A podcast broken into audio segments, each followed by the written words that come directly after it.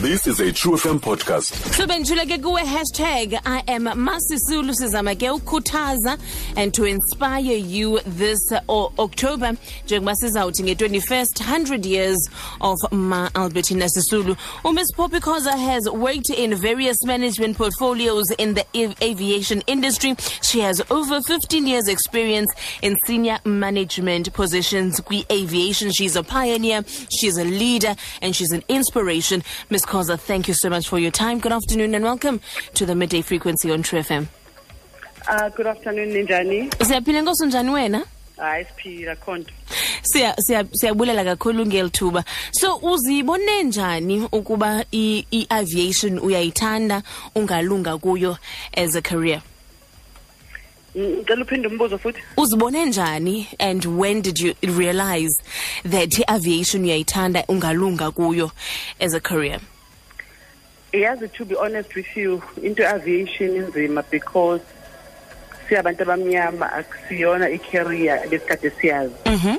particularly mangabe sisesikolweni sisafunda eh ayikho into ebikuprepare or ebikade kwenza ukuthi uthi come across mhlambe a, a subject for instance or into nje ezokutshela ukuthi khona i-career Mm. eh ey'ntweni zokundiza so kahle kahle ukungena kwami kulo mkhakha eh it was really by default Mm. eh ngaqala ngafundela i-travel and tourism that is when ke lapho ngaqala khona ukwazi ukuthi oh kukhona ama-flights kukhona ama-airports and in fact umuntu angakhona ukuthi eh enze ifundo khona ku-aviation or in fact aze a- a- aqashwe asebenze khona Mm. eh kulomkhakha wezokundiza eh kodwa ke izinto lezo sesiyibonile njenge-civil aviation authority ukuthi akukho correct. And thina abantu ke futhi sesinikezwe nanama-responsibilities athile.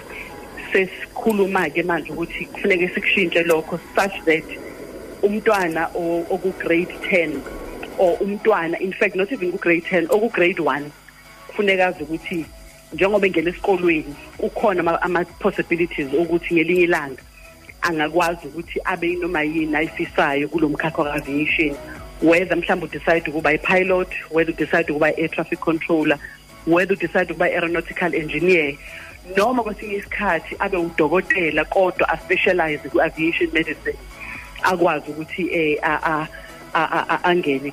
Siyawadinga ke futhi nama-economist eh for instance abantu abazositshela ukuthi um from a tourism point of view for nje mangingasho if kukuthi ufuna ukuqala i-airline eh eh, from a research point of view and from an economic sense eh fly ama routes from South Africa to Buenos Aires for instance because kunama tourists amaningi khona kunabantu abaningi. And in fact kunane trade mhlawumbe you can do business uh, with abantu ba, ba, base South America.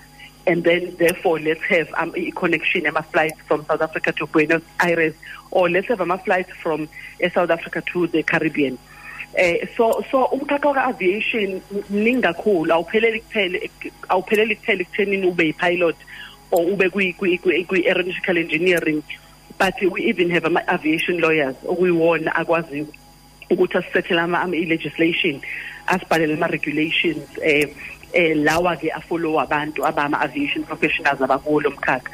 So i i believe njengoba thina ke sesithe ukuvuleka amehlo we need really to speak uh, out loud and and siqwashisa abantu ukuthi uh, out of the ordinary careers lawa amanye siwaziyo kwa-aviation kunama-careers are very lucrative. In fact abantu abasebenza khona they do extremely well. But ke siyazi i-history ye-south africa ukuthi eh lapho esiphuma khona imikhakha kanjengaleya kwa-aviation ibivule- ibivuleleke abantu abamhlophe kuphela abantu abamnyama bebengenayo i-opportunity.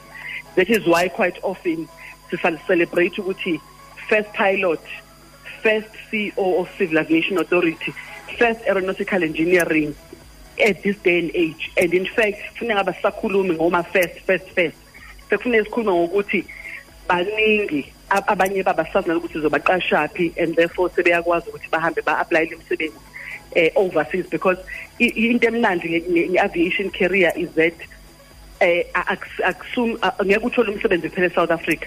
In fact you, you can work anywhere lapho ufuna khona whether you you work kwi United Arab Emirates. Eh njengoba sibona nje ukuthi ke eh i-united arab emirates ithatha kakhulu ama-pilots ethu la e-south africa because istandard sethu siphezulu. Bathatha kakhulu ama-aeronautical engineers ethu ngoba istandard sakhona siphezulu. Kodwa abantu-ke abayithola besenhlanhleni yokuthi babe kulawo ma-positions. Eh abaphumayo baye nangaphandle abelungu kakhulukazi ingakho-ke sesi-created this awareness robustly and we are saying it is not correct ukuthi abantu abamnyama abayazi le career yikho siphuma-ke njalo njalo njalo siphuma senza ama-career awareness siqwashisa abantu ukuthi eh by the way ukhona lo mkhakha and we need more mm. women Mm. eh we need more omama uAlbertina Sisulu basivulela indlela mm. basivula amehlo and therefore mangabe siba celebrate eh even ngo2018 kufuneke si siba celebrate with the context yokuthi ngesikhathi belwa belwela mm. umuntu njengami uPoppy Khoza ukuthi ngigcine ngelinye ilanga sengibaleka somewhere ingoba of ama sacrifices laba wenza ngakho ke mangabe sesitholile leyo nhlanhla ukuthi sifike endaweni ezithile asingabe sesikhahlela ke stepisi mm. kodwa asivumele abantu abaningi besifazane ukuthi abangene kulomkhakha ngoba vele lo mkhakha uma dominated abantu abaningi abasebenza kuwona abantu ababelungu ababantu besilisa mm. siyababona ke futhi nabantu besilisa babantu abamnyama bayangena ke futhi kakhulu kodwa masithi sibheka ama numbers siyabona ukuthi abantu besifazane basa basangemuva mm. ingakho ke singena sikhuluma kakhulu even kuma rural areas siyathatha ama abantu besifazane abasebancane abaqeda ukuphasa umatric siyabanikeza ama-bursaries kwa-civil aviation authority okay. uh, we partner in fact even namanye ama-institutions siyakhuluma nanothithi ukuthi asithatheni abantu abaningi besifazane abancane who have done very well ku-matric ke bengene kule mkhakha man let them become what they want to be okay. without uh, fear or shame because nabo they are capable okay. ukuthi it was possible ukuthi ngihlale kule ndawo ngihleli kuyona mina umunye umuntu wesifazane eh ofisayo naye kupossible ukuthi kungaba kanjalo. Mm. you are a champion for transformation. And ivana lapha ekuthetheni kwakho okokubana ngaba uyafuna ingakumbi abantwana abasuke ezilalini ebaphandleni rural areas young black women to get into the sphere.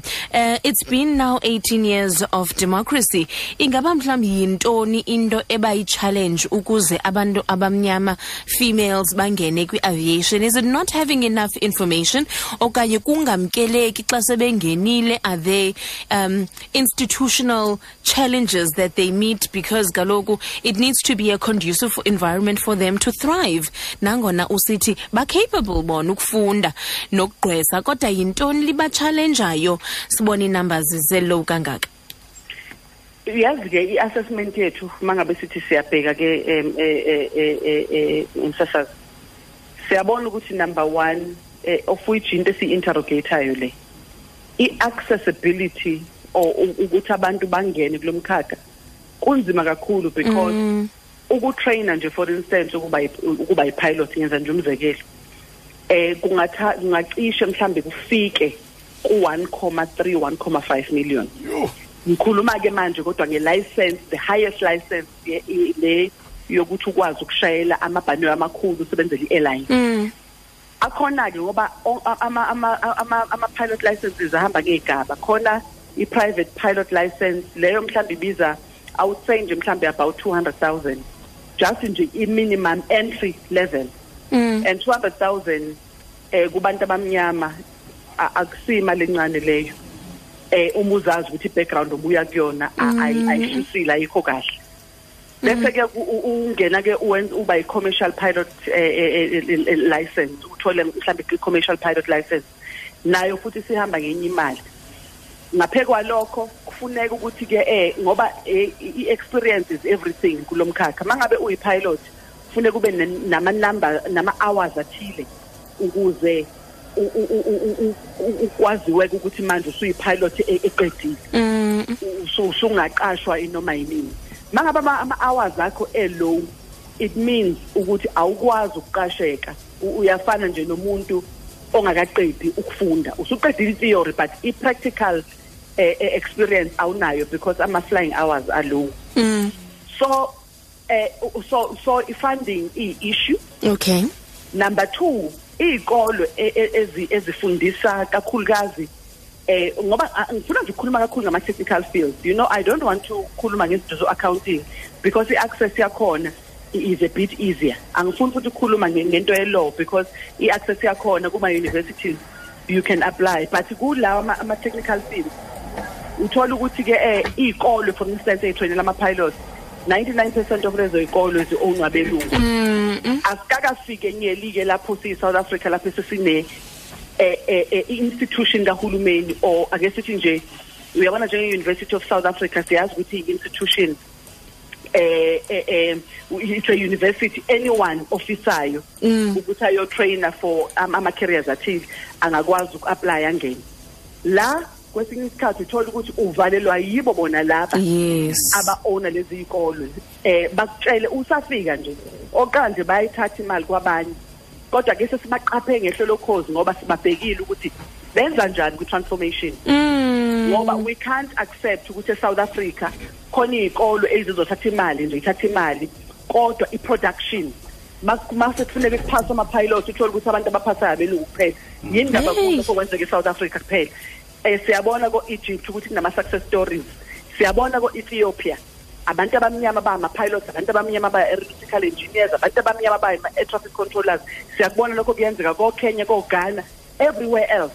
Kodwa eSouth Africa for some reason engingakwazi nami ukuwachaza kodwa sesithema sithi siyawabona siyabona ukuthi ikhona into errong eyenzakalayo lapha futhi edeliberate hayi kuzawufuneka Abantu nibabheke. Abamnyama, ah, sibabhekile sithi sihleliphe kwabo sihleliphe kwabo that I can assure you. That is Okay. why manje ama-statistics eseqalile ayashintsha Yes. because ayazi amasikolo ziyazi iy'kolo lezi. Sesikhulumile ngisho na- no- nohulumeni. Umnyango nje wezokuthutha i-department of transport sekhona nane-national aviation transformation strategy njengoba ngikhuluma. Okay. Esizohamba ke singene kuyo yonke imikhakha ngoba lapho esifi- esifinye- esifinyelele khona ungqongqoshe we- wezokuthutha uh, he is not mincing his words. Mangabe thi kufanele manje izinto zibe seyishintshile and futhi si we are fully we are 100% fully behind him ekuthenini le lo mkhakha lo ka-aviation awushintshe ngempela siyayifuna i-national aviation academy and i believe ukuthi we are on the right track towards having a university that's going to be teaching. Yes.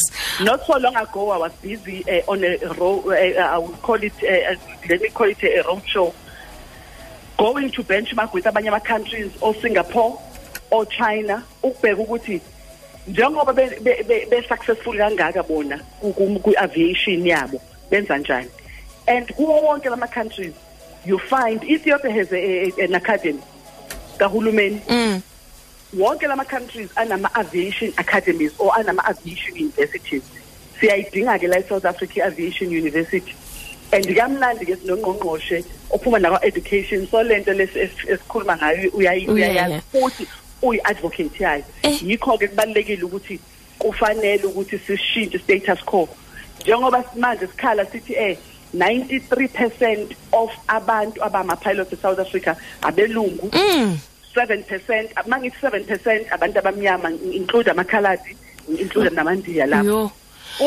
It needs to change. cannot be correct. It needs to change. Miss- and kulo 7% abantu abaningi babo abantu besilisa sidinga abantu besifazane abazositshela bona ukuthi if i can dream it I can become achieve it. i can achieve it. Miss Khoza? So kuzoshintsha and i'm very hopeful ukuthi kuzo- kuzoshintsha. We have already uh, started to make ama strides towards transforming this industry Miss Khoza, I, I know with you at the helm, with such passion and such determination that we can hear in your voice, yonke lonto izawukwenzeka. Siyakubulela kakhulu ngenxa yexesha. We have to go to the news, but thank you for being an advocate for black women in aviation and congratulations with all of your success to, to hard work. Siyabulela kakhulu. ndiyabulela ndiyabulela Find us online on truefm.co.za.